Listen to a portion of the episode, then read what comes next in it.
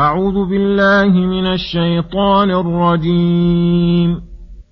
وإذا طلقتم النساء فبلغن أجلهن فلا تعضلوهن أن ينكحن أزواجهن إذا تراضوا بينهم بالمعروف.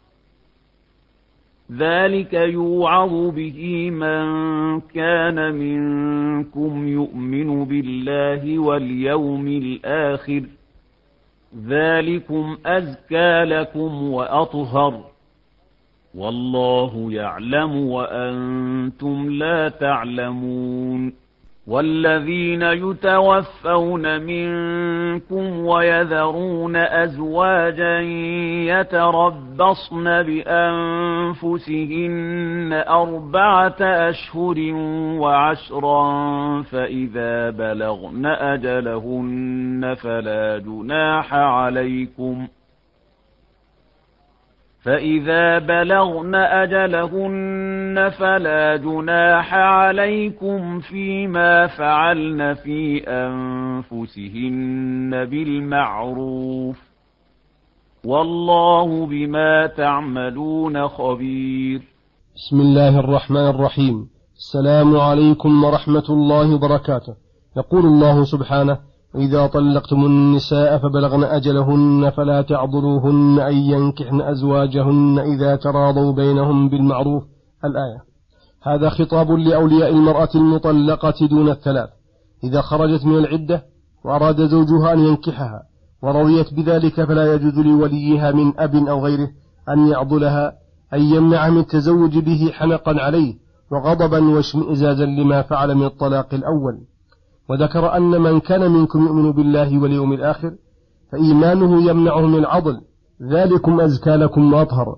وأطيب مما يظن الولي أن عدم تزويجه هو الرأي, هو الرأي واللائق وأنه يقابل بطلاقه الأول بعدم تزويجه كما هو عادة المترفعين المتكبرين.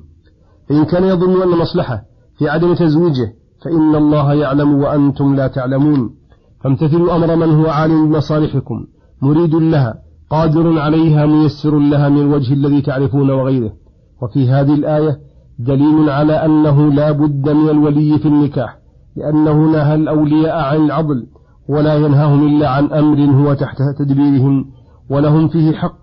ثم قال تعالى والوالدات يرضعن أولادهن حولين كاملين لمن أراد أن يتم الرضاعة. الآية. هذا خبر بمعنى الأمر.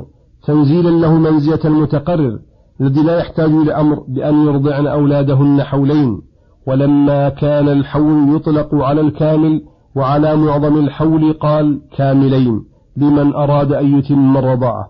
إذا تم للرضيع حولان فقد تم رضاعه وصار اللبن بعد ذلك بمنزلة سائر الأغذية. فلهذا كان الرضاع بعد الحولين غير معتبر فلا يحرم. ويؤخذ من هذا النص ومن قوله تعالى وحمله وفصاله ثلاثون شهرا أن أقل مدة الحمل ستة أشهر وأنه يمكن وجود الولد بها وعلى المولود له أي الأب رزقهن وكسوتهن بالمعروف وهذا شامل لما إذا كانت في حباله أو مطلقة فإن على الأب رزقها أي نفقتها وكسوتها وهي الأجرة للرضاع ودل هذا على أنها إذا كانت في حباله لا يجب لها أجرة غير النفقة والكسوة. وكل بحسب حاله فلهذا قال لا تكلف نفس إلا وسعها. فلا يكلف الفقير أن ينفق نفقة الغني ولا من لم يجد شيئا بالنفقة حتى يجد. لا تضار والدة بولدها ولا مولود له بولده. أي لا يحل أن تضار الوالدة بسبب ولدها. إما أن تمنع من إرضاعه أو لا تعطى ما يجب لها من النفقة والكسوة أو الأجرة. ولا مولود له بولده بأن تمتنع من إرضاعه على وجه مضارة. أو تطلب زيادة عن الواجب ونحو ذلك من أنواع الضرر ودل قوله مولود له أن الوالد لأبيه أن الولد لأبيه لأنه موهوب له ولأنه من كسبه فلذلك جاز له الأخذ من ماله رضي أو لم يرضى بخلاف الأم. وقوله وعلى وارث مثل ذلك أي على وارث الطفل إذا عدم الأب وكان الطفل ليس له مال مثل ما على الأب من النفقة للمرضع والكسوة. فدل على وجوب نفقة الأقارب المعسرين على القريب الوارث الموسر فإن أراد أي الأبوان فصالا أي فطام الصبي قبل الحولين عن تراض منهما بأن يكونا راضيين وتشاور فيما بينهما هل هو مصلحة للصبي أم لا؟ فإن كانت مصلحة ورضيا فلا جناح عليهما في فطامه قبل الحولين فدلت الآية بمفهومها. على أنه إن رضي أحدهما دون الآخر أو لم يكن مصلحة للطفل أنه لا يجوز فطامه وقوله أردتم أن تستوضعوا أولادكم أي تطلبوا لهم مراضع غير أمهاتهم على غير وجه مضارة فلا جناح عليكم إذا سلمتم ما آتيتم بالمعروف أي للمرضعات. والله بما تعملون بصير فمجازيكم على ذلك بالخير والشر. والذين يتوفون منكم ويذرون أزواجا الآية. إذا توفي الزوج مكثت زوجته متربصة أربعة أشهر وعشرة أيام وجوبا. والحكمة في ذلك يتبين الحمل في مدة أشهر أربعة في مدة الأربعة الأشهر ويتحرك في ابتدائه في الشهر الخامس. وهذا العام مخصوص بالحوامل فإن عدتهن بوضع الحمل. وكذلك الأمة عدتها على النصف من عدة الحرة شهران وخمسة أيام. وقوله فإذا بلغن أجلهن أي انقضت عدتهن فلا جناح عليكم فيما فعلن في أنفسهن. أي من مراجعتها للزينة والطيب بالمعروف أي على وجه غير محرم ولا مكروه.